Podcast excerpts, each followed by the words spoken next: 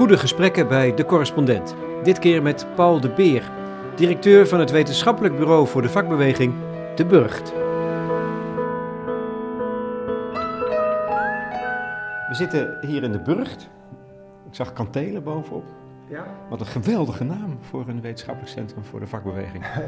ja, nou ja, de, de naam is oorspronkelijk natuurlijk voor het, uh, het oude hoofdkantoor van de Diamantbewerkersbond. En uh, Harry Palak, de toenmalige voorzitter, we praten nu van 100 jaar geleden uh, van de Diamantwerkers, had zijn vriend Berlage gevraagd om een gebouw te ontwerpen voor de Diamantwerkers. Eigenlijk het eerste echte vakbondskantoor in Nederland dat speciaal voor de vakbond gebouwd is. En dat moest eigenlijk twee dingen symboliseren. De, ja, de, de kracht uh, en de onoverwinnelijkheid, zou ik zeggen, van de arbeidersklasse. Vandaar dat het een soort kasteel werd, of een burg, met inderdaad kantelen erop en dergelijke. Ja. Uh, dat is de buitenkant. De, dus de buitenkant is uh, robuust, sterk en, en, en ja, moet uitstralen de kracht van de arbeidsbeweging. Als je binnenkomt, dan zie je ineens dat het een heel ja, haast mooi en licht gebouw is met, met veel uh, kleuren en, en... Verfijning ook, hè? Berlage verfijning. Ja, ja, ja. En dat moest in de, in de, in de visie van uh, uh, vooral de laat ik zeggen, geestelijke verheffing van de arbeiders ja, representeren. Hij was minstens zo sterk gericht op wat je inderdaad in die termen zou kunnen noemen geestelijke verheffing als op materiële verheffing. Toen in de eerste plaats moesten de arbeiders meer inkomen krijgen, kortere werkdagen, betere arbeidsomstandigheden. Dat was de, de, het eerste en het belangrijkste waar je als vakbond voor uh, naar streefde. Maar vervolgens was voor hem het uiteindelijke doel dat ja, eigenlijk ook een ander soort cultuur zou ontstaan. En hij besteedde heel veel aandacht aan, aan allerlei culturele aspecten. Vond het heel belangrijk ook om in zekere zin om de arbeiders op te voeden. Draag jij dat erfgoed met je mee? Jij als Paul de Beer? Bijvoorbeeld kracht, onafhankelijkheid. Zijn dat termen die jij eigenlijk stiekem ook voor jezelf hanteert? Ah, tot op zekere hoogte wel, ja. Ja, kijk, je, je zou tegenwoordig niet meer in, in diezelfde termen formuleren als destijds. Maar daarom zeg ik ook stiekem. Ja, ja, ja nee, eigenlijk kun je dat wel zeggen. Ik denk de combinatie inderdaad van, van uh, nou ja, het aloude motto van één dracht maakt macht. Samen strijden voor een betere wereld. Maar die betere wereld zou uiteindelijk dat vind ik ook nog steeds niet alleen moeten bestaan uit uh, ja, materieel betere wereld, maar vooral ook uit een, ja, uit een misschien een betere vorm van leven, zou je eens kunnen zeggen. Een mooier leven. Een leven wat niet alleen gericht is op de, de, de essentiële levensbehoeften, maar juist wat daar overheen, eh, daar, daarbovenuit is gestegen en nu zich kan richten op de dingen die het leven werkelijk waardevol maken. Wat zijn die dingen dan voor jou? Ja, voor mij, nou, voor een deel zelfs dezelfde als Harry Plak. Harry Plak was een groot muziekliefhebber, uh, gaf ook direct advies aan... Uh, zijn arbeiders aan welke soort muziek ze moesten luisteren. Ja, hij had er een hele specifieke opvatting over. Hij vond bijvoorbeeld, uh, ik, ik, ben zelf een opera-liefhebber, hij ook. Um, hij vond Wagner fantastisch, nou daar, dat deel ik met hem. Maar hij verafschuwde Puccini, want dat vond hij een lichtzinnige Italiaanse... Uh, kan helemaal niet. Nee, nou, ik ben ook een groot, groot Pucci, ja. Puccini-fan. dus uh, dat punt deel ik hem niet. Ja. Maar ik vind wel, wat ik wel deel, is dat ik vind muziek, uh, maar meer in bredere zin, kunst en cultuur... natuurlijk een belangrijke mate waarde geven aan het leven. Daarnaast moedigde hij de arbeiders ook aan om in het weekend op de fiets hier naar het Gein te gaan... of van de natuur te genieten. Uh, hij was ook een, ik meen zelfs een van de eerste bestuursleden van de Vereniging Natuurmonumenten. Dus hij was ook erg toen al begaan met het behoud van, uh, van de natuur. Uh, en ook dat is iets, ik denk, ja, genieten van natuur, dat dat ook een van de dingen is die leven waardevol maakt. Wat is de mooiste aria van Puccini? Waar de tranen jou bij ja, over de wangen lopen? Oh, dat vind ik, vind ik moeilijk te zeggen. Nou, misschien toch, uh, ik, ik, weet niet precies hoe die heet, maar aan het slot van de eerste acte van uh, Madame Butterfly. Uh, ja. ja, nou goed, het, het, het, raakt waarschijnlijk aan zulke elementaire menselijke ja. ja. behoeften of zo. En dat is, ja, dat is iets wat je niet zo simpelweg kunt uitdrukken in, in termen van inkomen of arbeidsduur of dat soort dingen. Hoe belangrijk die dingen ook zijn. Want kijk, verkorting van de arbeidsduur, wat natuurlijk altijd een belangrijk thema was voor, voor de vakbeweging heb je natuurlijk wel nodig om daarnaast uh, tijd te kunnen besteden aan, aan dit, dit, soort zaken. Ja, die het leven, denk ik, echt waardevol maken. Ja, ja.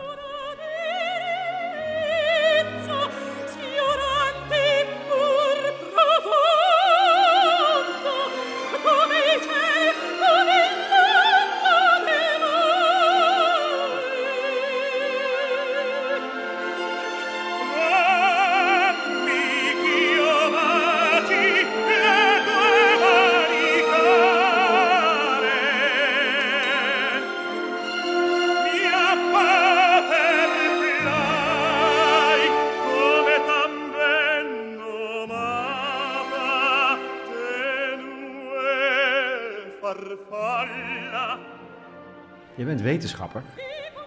Maar je schurkt aan tegen de, tegen de politiek.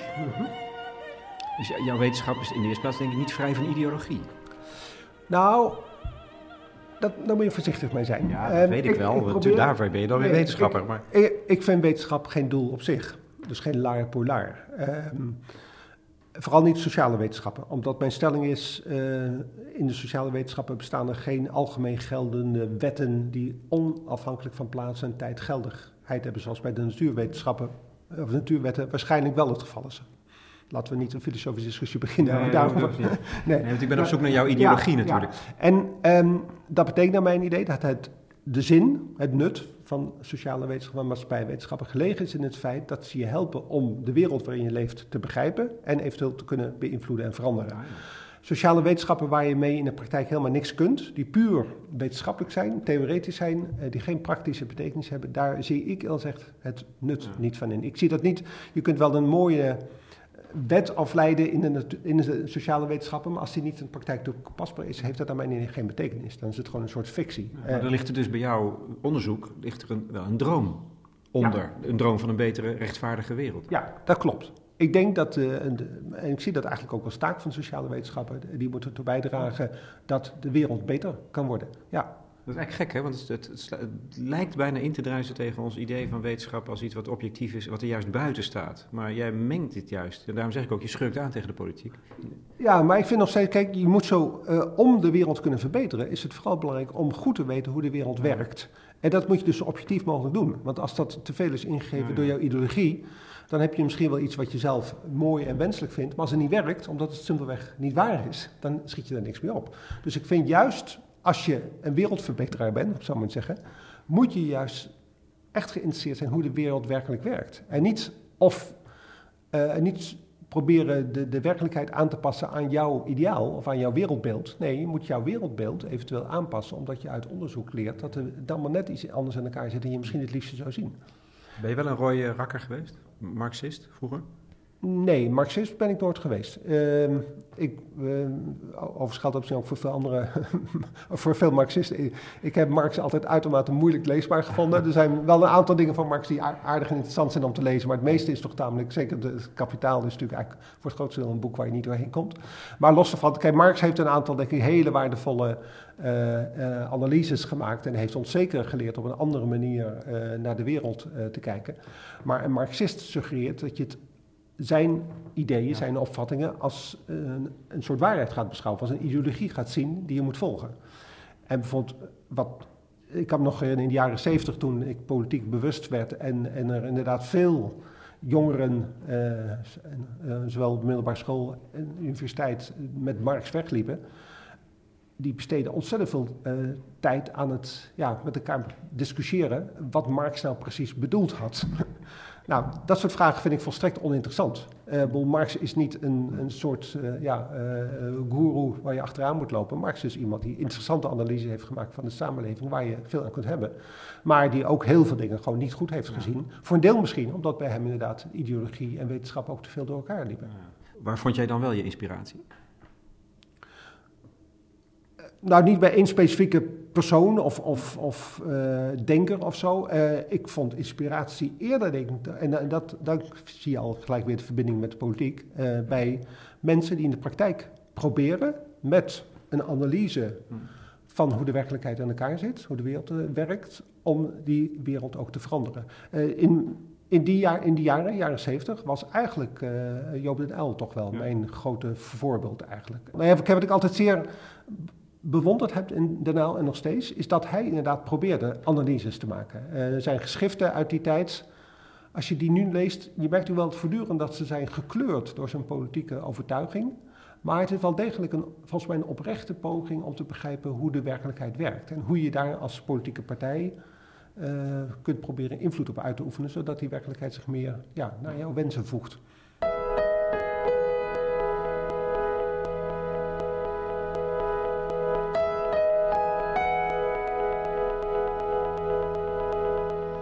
We kijken nu, Paul de Beer, naar hoe de sociaaldemocratie werkt. En je hebt daarover een lezing gehouden in juni voor de, wat, de, de voormalige arbeidsinspectie. je volgt daarbij uh, een, een, visionair artikel van Jan Pen. Maar dat begint eigenlijk met. Uh, nou, die, die, die deelt de ontwikkeling van de sociaaldemocratie in drie fasen. En dat begint eigenlijk eind 19e eeuw. Hoe erg was dat eigenlijk toen, toch? Het is, zo lang is het niet geleden, maar het is zo verschrikkelijk. Ja, ja, het was toen vreselijk. Ja, uh, nou, ik, ik heb speciaal voor die lezing, uh, omdat de, dat ook de aanleiding is geweest voor de oprichting van de arbeidsinspectie, de, uh, de arbeidsenquête van wat was het, 1887 en nog eens een keertje op nageslagen. Ja, niet helemaal gelezen, want het is een enorm dik boekwerk van, van honderden pagina's, waarin, waarin allerlei um, zoals nu ook bij een parlementaire enquête, allerlei mensen zijn ondervraagd over hoe het toegaat in fabrieken in die tijd, uh, in uh, Tilburg, Amsterdam en Maastricht. Uh, nou, een voorbeeld wat ik geef uit Maastricht, waar toen veel aardewerkfabrieken waren van de gebroeders Regoe. waar echt mensonterende omstandigheden waren, waar mensen moesten werken, waar ze enorm veel stof inademden, waarin ze uh, onder, in hete ovens uh, moesten werken, waarin ze enorm lange werktijden ja, hadden. Ze, worden na half naakt die gloeiend hete ovens ja, ingeschopt. Ja, bij wij haast wel, ja, want het, uh, ja, als er, er moest aardewerk uitgehaald worden en als je wachtte tot die ovens helemaal waren afgekoeld, ja, dan werd te veel tijd werd verspild, omdat die ovens ondertussen niet konden worden gebruikt. En dan ook nog hele lange werktijden, een heel laag loon. Um, ja, er zit ook een, een, een, interviewtje in met een, politieagent die in opdracht van die enquêtecommissie uh, in die fabriek was gaan kijken. En die constateerde dat bepaalde categorieën aardewerkbewerkers, die heel veel stof inademden, dat die vaak op hun dertigste al helemaal op waren. Die, uh, hij, hij, beweerde echt dat niemand van die aardebewerkers, uh, of hoe zeg je dat? Maar van, ja, dat die ouder werden dan 40 jaar. Die gingen gewoon dood door al het stof wat ze dag in dag uit uh, in, inademden. En nou ja, dat zijn omstandigheden die we nu hooguit nog associëren met, met derde wereldlanden, met, met Bangladesh of zo. ja, je zegt met zoveel woorden, en dan loop ik vooruit op een wat in, inhoudelijker analyse van, van de ontwikkeling, dat we er weer naartoe teruggaan. Nou, je ziet natuurlijk aan de marges, aan de randen van de arbeidsmarkt af en toe verschijnselen die daar weer mee vergelijkbaar zijn. Met name natuurlijk bij, bij uh, buitenlandse arbeidskrachten, uh, vooral in, in, Nederland, in, Nederland. In Nederland, ja. ja. We weten natuurlijk dat er ook mensen zijn die uh, onder mensonterende omstandigheden moeten werken, uitgebuit worden door werkgevers, gehuisvest worden met in, in erbarmelijke omstandigheden slecht betaald worden, gevaarlijk uh, werk doen. Dus inderdaad, in de randen, in de marge van de arbeidsmarkt, uh, zie je soms weer een deel van dat soort verschijnselen terug. Dat is, toch, dat is toch om je over te schamen? Ja, dat is zeker om je over te schamen. Ja, ja. Tegelijkertijd moet je natuurlijk wel constateren, toen was dat eigenlijk haast een normale situatie. En nu zien we het als een uitzondering, als een uitwas van een arbeidsmarkt die we gewoon niet helemaal in de hand hebben.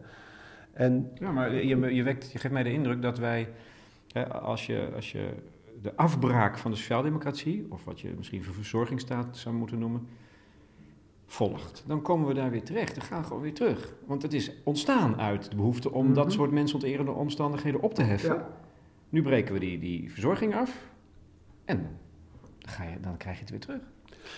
Ja, nogmaals, niet in die omvang en die mate als toen. Want er is wel één groot verschil, wat ik ook in uh, die lezing uh, in een artikel uh, constateer. Dus we zijn natuurlijk gewoon aanzienlijk welvarender geworden, waardoor de gemiddelde werknemer het gewoon veel en veel beter heeft dan toen. Zelfs als een deel van de, de bescherming die de overheid biedt minder wordt. Kijk, de deregulering van de arbeidsmarkt is een van de dingen die constateert dat natuurlijk niet alleen de verzorgingsstaat in de vorm van sociale zekerheid beperkt is, maar natuurlijk ook de regulering van de arbeidsmarkt is eigenlijk weer op de terugweg. Ik constateer eigenlijk dat de regeling van arbeidstijden, uh, als je kijkt naar de huidige wetgeving, die is eigenlijk hetzelfde als die van 1921. Uh, eh, waarbij een, een, een, volgens de wet is een, een gemiddelde werkweek van 48 uur uh, toegestaan. Nou, nu komt dat maar zelden voor. De meeste mensen hebben natuurlijk gewoon een werkweek van ongeveer 40 uur of iets minder nog. Dat fluctueert soms een beetje in de tijd. Maar het mag wel. Dus uh, met andere woorden, als je niet een sterke arbeidsmarktpositie hebt, als je toch sterk afhankelijk bent van de werkgever, dan loop je naar het risico dat de wet je daar veel minder bescherming voor biedt dan bijvoorbeeld in de jaren 70 het, geval was. En dat is een tendens. Dat is, dat is een tendens, want je zit ook op het gebied van ontslagbescherming, waar natuurlijk enorme groei is van, van flexcontracten, de groei van het aantal ZZP'ers, waar eigenlijk helemaal geen bescherming voor is. Nogmaals, opnieuw geldt voor veel van die mensen is dat niet echt een probleem. De meeste ZZP'ers gelukkig zijn dat omdat ze dat zelf willen, Ja. omdat ze het leuk vinden, omdat ze autonoom willen zijn. Maar omdat die regulering nou eenmaal daar zeer minimaal is, eh, zijn er ook mensen die ongewenst in zo'n situatie terechtkomen. En die dreigen inderdaad nauwelijks meer beschermd te worden. Jan Pen schreef in 1963 een artikel waarin hij eigenlijk de ontwikkeling van de verzorgingsstaat. Ja, toen heette het welvaartsstaat. Ja. Nu zijn we het verzorgingsstaat genoemd. Maar ik denk eigenlijk dat je het beter om zou kunnen draaien. Toen- Dat het toen eigenlijk ging over verzorgingsstaat en dat we nu in een welvaartsstaat leven.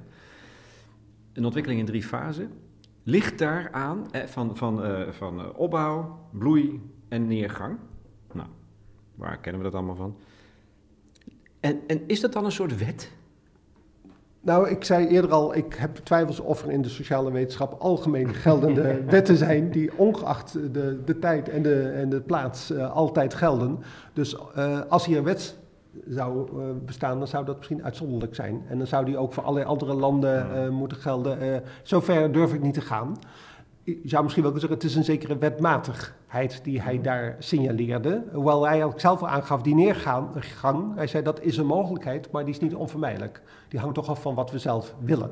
En dat is natuurlijk ook zo. Want die neergang in de verzorgingsstaat verbond hij in 1963, eh, toen dat nog ver in de toekomst lag, aan verdere stijging van de welvaart, waardoor mensen niet meer zozeer die bescherming van de verzorgingsstaat nodig hadden. Omdat ze zelf in staat zijn om de risico's die ze lopen in de moderne samenleving te dekken. Maar dat is, dat is eigenlijk gebeurd. En dat is gebeurd. Ik denk dat hij daar gelijk in heeft. Ik, ik geef ook aan dat dat niet alleen komt door de algemene welvaartsstijging, maar ook doordat steeds meer eh, burgers eigenlijk, eh, zelf buffers hebben. En Ik, ik geef eigenlijk twee voorbeelden van buffers. Het eerste is dat tegenwoordig de meeste huishoudens twee inkomens hebben, omdat de partner ook eh, werkt. Dat betekent dat als één van de twee werkloos wordt, dat je dan natuurlijk wel flink achteruit gaat, maar toch kunt terugvallen op het inkomen van de ander. Dat was heel anders in de tijd dat toen het gemiddelde huishouden nog bestond uit een één verdiener en een kostwinner. Het tweede is dat mensen toch gemiddeld aanzienlijk meer vermogen hebben dan vroeger. Weliswaar is dat vermogen enorm ongelijk verdeeld, zoals we sinds Piketty maar al te goed weten. Dat neemt niet weg, ik constateer dat ongeveer de helft van de huishoudens in Nederland voldoende vermogen heeft om daarmee het een jaar te kunnen uitzingen. Met andere woorden, hun vermogen is minimaal even groot als een jaar Ja. inkomen. En dat zit hem deels in spaargeld, deels zit hem natuurlijk ook in een eigen woning waarvan je de hypotheek voor een deel hebt afbetaald. Nou ja, als je zonder inkomen kunt zitten, kun je in principe bijvoorbeeld weer een nieuwe hypotheek opnemen. Nou, dat betekent dus dat mensen in zekere zin die bescherming door de overheid wat minder nodig hebben dan bijvoorbeeld 40, 50 Ja. jaar geleden. Dat, dat voelen ze zo. Want, je, want dat is een van de raadsels. Hè? Eh, Vanaf eh, het begint eigenlijk, die, die afbouw begint, dateer je zelfs letterlijk op 1 januari 1984, Lubbers. Het is de tijd van de Nijl, maar Lubbers komt eraan en die begint ermee. En dan eh, is het 30 jaar, stapje voor stapje. Je zegt, er is eigenlijk geen politieke steun onder de bevolking. We willen het in meerderheid niet, die afbraak. We willen het gewoon behouden. En toch gebeurt het. Door, Nou, kijk, eh, er, wordt vaak, er is vaak gezegd van in de jaren tachtig moest er wel bezuinigd worden, want toen was de verzorgingsstaat wel erg eh, uitgedijd en de uitgave aan, aan eh, publieke voorzieningen was toen zo hoog dat konden we niet meer langer handhaven. Zeker omdat we toen ook een economische crisis zaten. Dus toen was het misschien economisch gewoon noodzakelijk. Nou, misschien zeg je, in het artikel zeg je dat ook. Je bent er niet zeker van of het noodzakelijk is om het weer terug te dringen. Nee, omdat ik ook nog steeds een, een, tot op zekere een leerling ben van Hans van der Doel, de, de PvdA-econoom, die in de jaren 70 beweerde dat de publieke sector ook best 80% van het eh, bruto binnenlands product zou kunnen zijn. Hij gaf toen een voorbeeld van wat hij noemde een lilliputstaartje met, waarin vijf mensen woonden. En hij liet zien, als ook vier van de vijf mensen in de publieke sector werken, kan dat. Als we maar bereid zijn de prijs daarvoor te betalen in de vorm van hogere belastingen. Ik ben het daar nog steeds mee eens. Maar ik zie wel in dat politiek, maatschappelijk het heel moeilijk is eh, meer dan de helft van het nationaal inkomen uit te geven aan publieke voorzieningen. En dat gold een tijdje in de jaren tachtig. Dus vanuit dat perspectief zou ik kunnen zeggen, was het misschien niet vol te houden. Maar ik constateer ook, die bezuinigingen begonnen in de jaren 80, maar gingen eigenlijk in de jaren 90 haast onverminderd door. Met allerlei ingrepen, bijvoorbeeld in de WHO, die toen grondig is herzien, de bijstand die ingrijpend is herzien.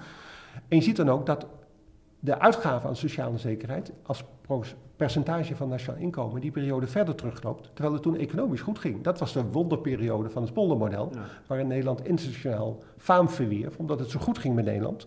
Maar we gingen ondertussen wel gewoon door met het bezuinigen op de sociale zekerheid. En de vraag is waarom we dat deden. En vaak is door sociologen gezegd, als je bijvoorbeeld gaat kijken naar de onderzoeken van het Sociaal Cultureel Planbureau, naar de opvattingen van de bevolking over sociale zekerheid, zie je dat in die periode vaak een meerderheid van de bevolking echt vindt dat de uitkeringen te laag zijn. En dus eigenlijk zegt daarmee, we moeten meer uitgeven aan sociale zekerheid. Ik constateer alleen dat als je nu verder gaat kijken, vanaf ongeveer het midden van de jaren 90, een steeds grotere groep van de bevolking, ondanks die bezuinigingen, zegt dat zij eigenlijk de uitkeringen wel goed vindt, of zelfs te goed vindt. Met andere woorden, het lijkt toch dat de steun voor die bezuinigingen wel langzaam maar zeker is toegenomen. Je zou het ook zo kunnen. Nee, dus, oh ja, de steun voor de bezuinigingen is Ja, toegenomen, ja. Je zou het ook zo kunnen dat mensen langzamerhand, als ze zien dat de sociale zekerheid minder genereus wordt, dan niet gaan zeggen, oh het moet weer terug naar vroeger. Maar ja, in zekere zin dat accepteren en daar dus ook steun voor gaan uitspreken. En dat komt omdat ze eigenlijk genoeg, nou ja, voor een jaar het gevoel hebben dat ze safe zitten. De- en dat is welvaart. Dan leef je dus in een Ja. welvaartsmaatschappij, waardoor die sociale zekerheid en de verzorgingsstaat een beetje afgebroken, langzamerhand afgebroken. Ja, omdat je ook ziet, zowel vanaf het midden van de jaren 80 stijgt in Nederland de arbeidsdeelname van vrouwen enorm. Dan zie je die enorme overgang van één verdieners naar twee verdieners. Dus in de jaren 90 constateren steeds meer mensen, oh, zelfs als ik werkloos word, heb ik in ieder geval nog een partner die een inkomen heeft. En je ziet ook dat ongeveer vanaf dat moment, zo ergens jaren 90, het vermogen in Nederland, dan, dat is de periode dat ineens allerlei gewone mensen, ik hoorde er zelf ook bij, moet ik zeggen, die gingen ineens eh, in aandelen beleggen. Eh, want die zagen ineens dat je daar enorm veel geld mee kon verdienen. Echt waar? Heb je dat en gedaan? En dat ging een tijd lang ook heel goed, ja. ja. of in ieder geval op andere manieren. Dus je, eh, ook het eigen huizenbezit neemt Ja. enorm toe. Weliswaar met enorme schulden, maar toch, voor zover mensen, of ze mensen een deel van hun hypotheek afbetalen, bouwen ze daarmee vermogen op. Dus de beide buffers beginnen vanaf dat moment te groeien. En mijn analyse is dat mensen constateren, oh, de overheid biedt steeds minder bescherming. Want er is fors bezuinigd op de sociale zekerheid. Ik heb zelf nu inmiddels een aardige buffer opgebouwd. Nou ja, eigenlijk is dit ook een situatie waar ik best mee kan leven. Nogmaals, dat geldt ook voor de grote middengroepen. Aan de onderkant van de samenleving is natuurlijk altijd een forse groep die dat niet kan. Die niet het inkomen heeft om zichzelf te beschermen, die geen vermogen heeft, die niet een tweede inkomen heeft in het huishouden. En daarvoor is natuurlijk het pijnlijke gevolg van deze ontwikkeling dat die steeds minder bescherming krijgen van de overheid. En daarom zie je ook vanaf, ook vanaf de jaren tachtig dat natuurlijk dat langzaam maar zeker de armoede in Nederland ook begint toe te nemen. Ja, want mijn vraag voordat je deze laatste zinnen uitsprak eh, is natuurlijk, is het erg? Ja, Is het erg als je ziet dat die welvaart zo toeneemt, dat het de sociale zekerheid afneemt, de verzorging? Moet je het niet gewoon laten gebeuren? En je, en je, je stelt jezelf die vraag ook als sociaaldemocraat ja. Met twee opties. Je accepteert het of je accepteert het niet. Ja, dat klopt. Nou ja, eh, of het erg is, ehm, dat hangt sterk vanaf denk op welke groep je eh, richt. Dus voor de middengroepen is het niet per se erg. Of ze er veel beter van worden is overigens ook de vraag. Want ze betekent dat ze nu gewoon dus, eh, ze betalen misschien minder belastingen en minder premies. Maar ze moeten zelf allerlei dingen regelen. Dus of je daar per saldo nou zoveel beter van wordt, is de vraag. Maar blijkbaar, er sommige aanwijzingen dat mensen de overheid gewoon langzamerhand minder vertrouwen. En dus toch liever op hun eigen eh, ja, veerkracht vertrouwen dan op de overheid. Maar voor de mensen aan de onderkant is het wel erg. Eh, ja, die worden op steeds grotere afstand eh, gezet. Die, die kunnen steeds minder op rekenen dat de overheid echt een, een, een stevig vangnet biedt waarin zij terechtkomen als zij het niet zelf kunnen uh, bolwerken. En wat belangrijk is, en dat is vooral voor de sociaaldemocratie een probleem, hiermee dreigen de belangen van de middengroepen en de mensen aan de onderkant steeds, meer, steeds losser van elkaar uh, komen staan. Wat ik stel, en dat is allerminst origineel, maar dat is al heel vaak gesteld, is dat um, de brugfunctie die de sociaaldemocratie democratie heeft vervuld door de belangen van de middengroepen en van de onderste klasse met elkaar te verbinden, dat dat essentieel is geweest voor het succes van de sociaaldemocratie in de 20e eeuw. En als die brugfunctie nu verloren dreigt te gaan, omdat de belangen van de middenklasse en van de onderste klasse steeds verder uit elkaar gaan lopen, ja, dan. Dan ontbreekt het fundament. Precies, dan valt eigenlijk het fundament onder de sociaaldemocratie weg. Ja. En dat zie je natuurlijk ook in de praktijk, want wat zie je? Aan de ene kant heb je natuurlijk. Uh, de, zeggen, de traditionele, meer socialistische uh, uh, aanpak, die vooral richt op de onderkant, die ja, je grofweg zou kunnen gelijkstellen met de opstelling van de SP. Die zegt vooral, we houden wat we hebben of herstellen van wat er verloren is gegaan aan sociale bescherming. En aan de andere kant heb je de, ja, de meer sociaal-liberale richting, die je bij D66 vindt, voor een deel misschien ook bij GroenLinks. Uh, al is dat nu misschien weer, inmiddels weer een beetje verschoven, maar in ieder geval in de tijd van uh, Femke Halsema en uh, Jolande Sap zag je die bij GroenLinks, namelijk van ja, de, de krachtige, zelfstandige, hoogopgeleide burger die het zelf wel kan bolwerken, maar wel nog een beetje sociaal wil zijn, maar die daar niet meer zo'n sterk beschermende rol van de overheid bij nodig heeft. En die twee zijn steeds moeilijker met elkaar te verbinden. En de PvdA, ja, zit daar een beetje tussenin, kan niet duidelijk kiezen, probeert nog steeds eigenlijk beide te combineren, maar slaagt daar naar mijn idee steeds minder goed in. Ja, want je, die, die positie van de PvdA tussen de liberalen, ja, die vinden het best, deze ontwikkeling, dat is duidelijk. Ehm, maar de links-populistische partij, zoals de SP, die hebben daar ook geen antwoord op, toch? Dus, dus zijn die daar ook mee tevreden? Dat kan je bijna niet voorstellen met die ontwikkeling. Nee, nou ja, die, die pleiten natuurlijk vaak voor het uh, op zijn minst handhaven van wat we nu hebben, maar liefst nog het weer verbeteren van de uh, verhogen van minimumuitkeringsniveaus, uh, verbeteren van uitkeringsrechten en dergelijke. Ja, maar niet dus voor het herstel van de band tussen de lagere sociale klasse en de middenklasse. Nee, nou de, en dat is dan ook meteen ja, de zwakte van die positie in ja, jouw nou ja, daarom is het ook zeer de vraag of die partijen ooit zo groot kunnen worden als de Partij van de Arbeid ooit geweest is. Al moet ik wel zeggen, bij de SP zie je natuurlijk wel, en dat is op zich wel een, een, een knappe strategie, een verbinding tussen ook een deel van de middengroepen die vooral in de publieke sector werkzaam uh, is en die wel ook sterk afhankelijk is van de overheid. Mensen in de zorg, in het onderwijs en dergelijke, die hebben natuurlijk net zo goed ook te lijden onder allerlei bezuinigingen, omdat dat direct hen als werknemer raakt. Dus op die manier weten ze denk ik wel de, de belangen van werknemers in de middengroepen in de publieke sector en de uitkeringsgerechtigden wel met elkaar uh, te verbinden.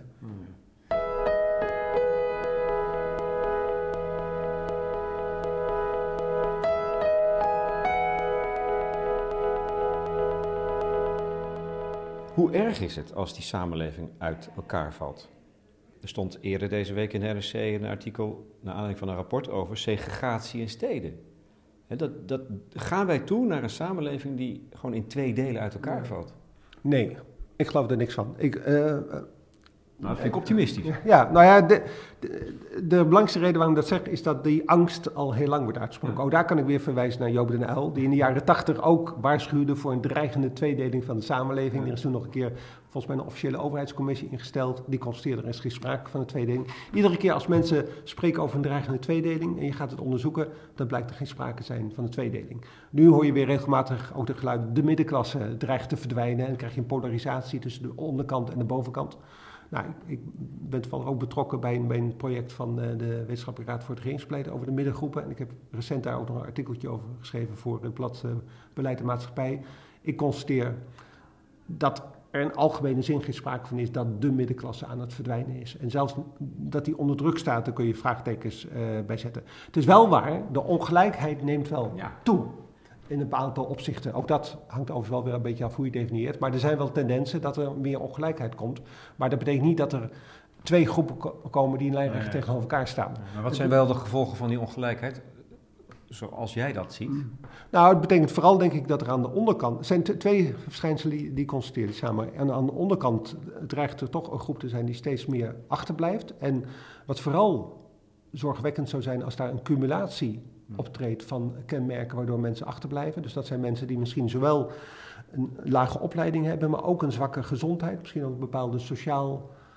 Uh, psychologische uh, problemen, last, ding, problemen als echtscheiding, alleenstaande ouderschap, misschien ook problemen met alcohol of drugsgebruik en dergelijke.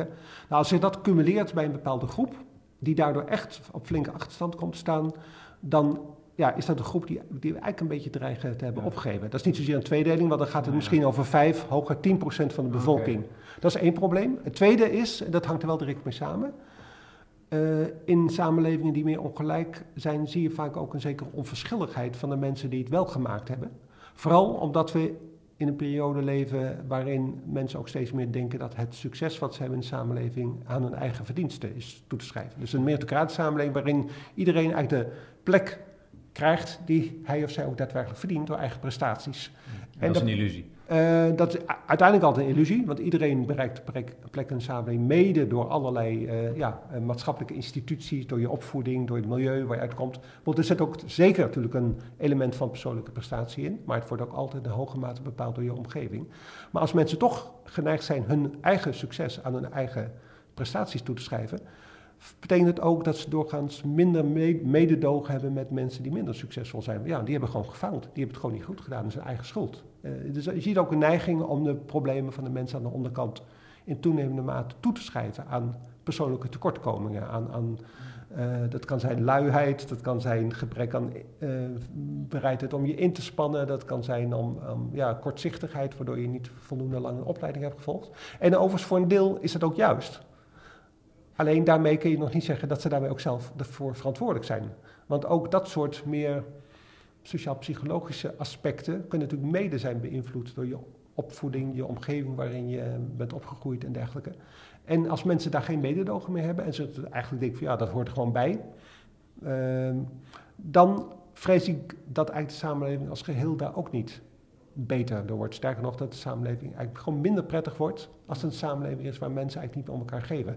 Het belangrijkste kenmerk naar mijn van een samenleving, in de letterlijke zin van het woord, dat is dat mensen samen leven. Dus ze moeten iets samen, ze moeten iets gemeenschappelijks hebben, behalve het feit dat ze in dezelfde ruimte, in dezelfde stad of in dezelfde, dezelfde land leven, moeten ze ook op een manier toch met elkaar verbonden zijn. En als dat gevoel van verbondenheid verdwijnt, dan vind ik dat een, echt een. Ja, dan zou je haast letterlijk kunnen zeggen dat de samenleving uit elkaar valt in losse groepen die allemaal hun eigen leven leiden. dus geen tweedeling, maar in ieder geval één groep die dreigt verloren te raken en misschien nog wel een versplintering van de samenleving. Ja, en misschien ook nog goed, want aan de bovenkant zie je ook een beetje hetzelfde uh, verschijnsel. Ook daar, met, met de toename van de, de topsalarissen en het feit dat daar nog steeds niet echt veel eh, besef lijkt te zijn dat dat eigenlijk niet verantwoord is. Ook daar zie je een groep die zich blijkbaar, die vindt dat ze dat zelf verdienen, want zij dragen toch bij aan in ieder geval het succes van een bedrijf. En vaak denk ik dat ze ervan overtuigd zijn dat ze ook nog bijdragen aan de welvaart van ons land. En daarom doen ze eigenlijk al genoeg en kunnen zich permitteren heel veel te verdienen en trekken zich ook niks meer aan van wat er elders gebeurt. Ook zij lijken onvoldoende besef te hebben dat ze uiteindelijk hun succes ook mede te danken hebben aan het feit dat ze onderdeel zijn van een samenleving waarin allerlei ja, instituten zijn uh, die hen in staat hebben gesteld dit hoge inkomen te verdienen. En dan zou je iets meer betrokkenheid, iets meer verantwoordelijkheid voor de rest van de samenleving zou je daar ook verwachten. Dus ik zie eerder een soort ja, versplintering van de samenleving, uiteenvallen in verschillende groepen die allemaal alleen maar naar hun eigen belang kijken, dan dat er een, een scherpe tweedeling ontstaat.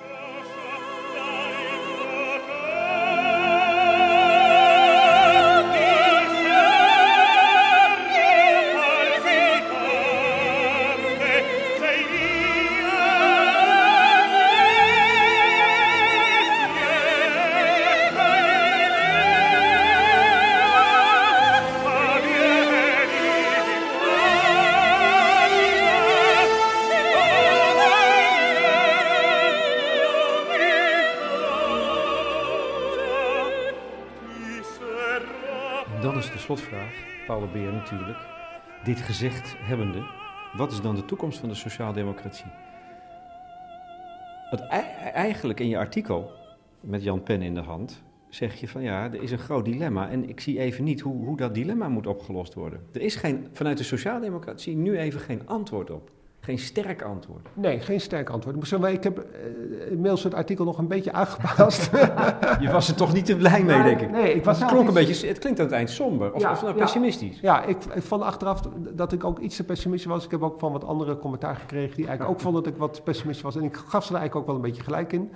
Uh, maar ik zie hier wel een, inderdaad een enorm uh, grote... Ja, probleem, dilemma. Uh, op zijn minst een onmacht. onmacht ja, onmacht. Ja. Nou, kijk, er zijn natuurlijk wel ideeën over vernieuwing van uh, de verzorgingsstaat. Waar je als sociaaldemocratie wat mee kunnen. Daar verwijs ik nu in de, de laatste versie van mijn artikel wel naar. Want het moet nog gepubliceerd worden. Ik heb een ongepubliceerde versie gelezen, de lezing die je gehouden hebt. Hij gaat nog gepubliceerd worden. Ja, ja hij wordt denk ik ergens in oktober of zo uh, gepubliceerd. Ja. Um, ik, het gedachte dat je moet zoeken naar een, een inrichting van de verzorgingsstaat uh, die zowel in het belang is van de middengroepen als van de, de groepen aan de onderkant. En die niet alleen uitgaat van traditionele sociale bescherming, maar meer gericht is op wat je zou noemen sociale investeringen. Dat is een idee wat de afgelopen jaren meerdere malen uh, bepleit is. In Nederland bijvoorbeeld door, door uh, Anton Hemerijk en ook door, door de Vlaamse, maar ook in Nederland werkzame oud-politicus Frank van der Broeke gedachte, ga vooral investeren in mensen. En uh, zorg daarmee dat mensen eigenlijk meer weerstand opbouwen, meer veerkrachtig zijn om zich in deze samenleving staande te houden. En dan denk je natuurlijk snel aan dingen als, als scholing en training, maar bijvoorbeeld ook dingen als kinderopvang, uh, verlofregelingen, zowel voor ouderschapsverlof, maar ook zorgverlof om voor uh, familieleden te kunnen zorgen. In principe kun je zorgen dat mensen daarmee zich beter zelfstaande kunnen houden in deze samenleving. Het probleem is dat tot nu toe dat soort, zijn er twee problemen. Het is niet duidelijk of het altijd effectief is. Bijvoorbeeld scholing is belangrijk voor individuen. Maar als je iedereen meer gaat scholen, is toch de vraag of de mensen met de, minste scholing toch wel niet uit de boot dreigt te uh, vallen. Uh, dus of het is niet per se de oplossing. Dus je blijft daarnaast ook nog behoefte hebben aan meer traditionele vormen van bescherming. Het tweede probleem is dat het uh, tot nu toe vooral inderdaad dit soort dingen ten goede komen aan de middengroepen. En niet zozeer aan de mensen aan de onderkant. Uh, Als er in bedrijven scholing plaatsvindt, de beter opgeleiden nemen meer deel aan scholing dan de, de minst opgeleide. Kinderopvang is bij uitstek iets wat natuurlijk benut wordt door twee verdieners. Want die hebben de meeste behoefte aan. En niet zozeer door mensen die in een uitkering uh, zitten. Dus je moet zorgen dat dit soort voorzieningen, dit soort sociale investeringen, dat ook meer ten goede komen en terechtkomen bij de mensen aan de onderkant. En het moet vooral ook toe bijdragen dat mensen aan de onderkant meer kans hebben om door te stromen naar boven. En daarmee hun positie te versterken. Waarmee je haast letterlijk die brugfunctie vervult. Van dat betekent als je voldoende opwaartse mobiliteit hebt, dan kunnen mensen aan de onderkant zich ook meer richten op de middengroepen. En de mensen uit de middengroepen zien dat de mensen aan de onderkant niet alleen maar permanent achterblijven zijn, maar ook weer kans hebben om uh, erbij te komen. Dus het, zijn eigenlijk, het zijn eigenlijk vrij voorzichtige dingen. Het is niet groots en meeslepend, nee. dit verhaal. Dus het is de vraag of je daarmee die sociaaldemocratie redt.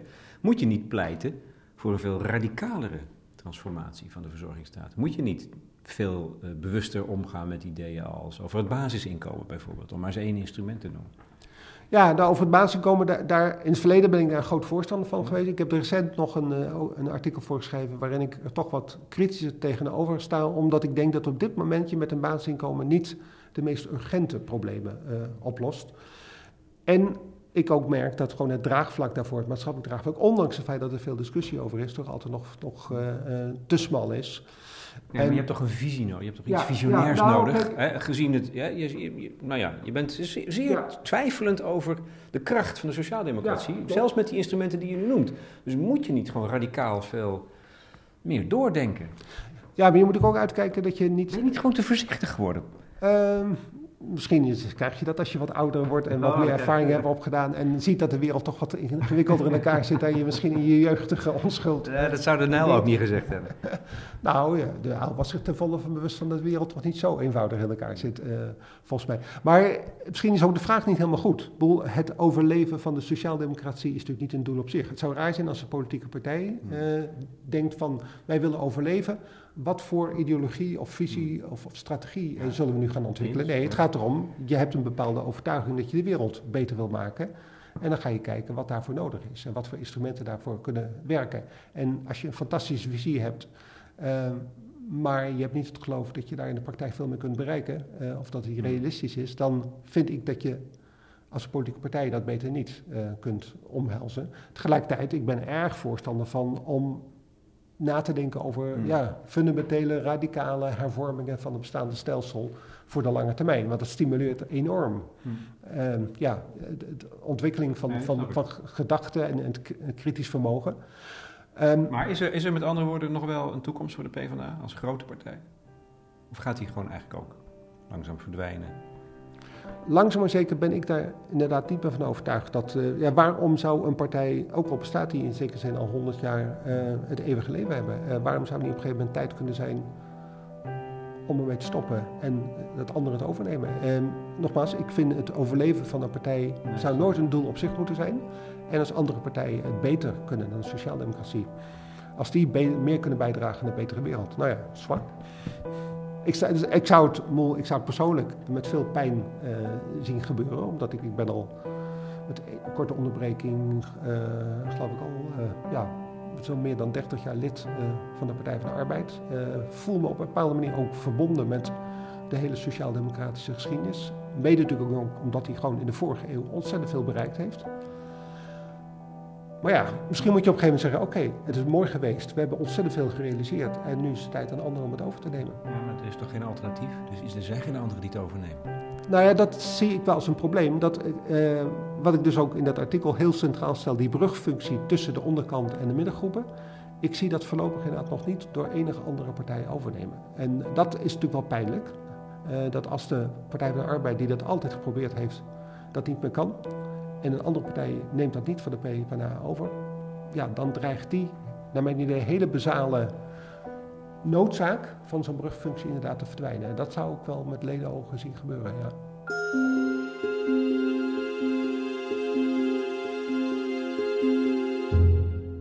Paul de Weer in gesprek met uh, Lex Bolmeijer voor De Correspondent over de toekomst van de sociaaldemocratie.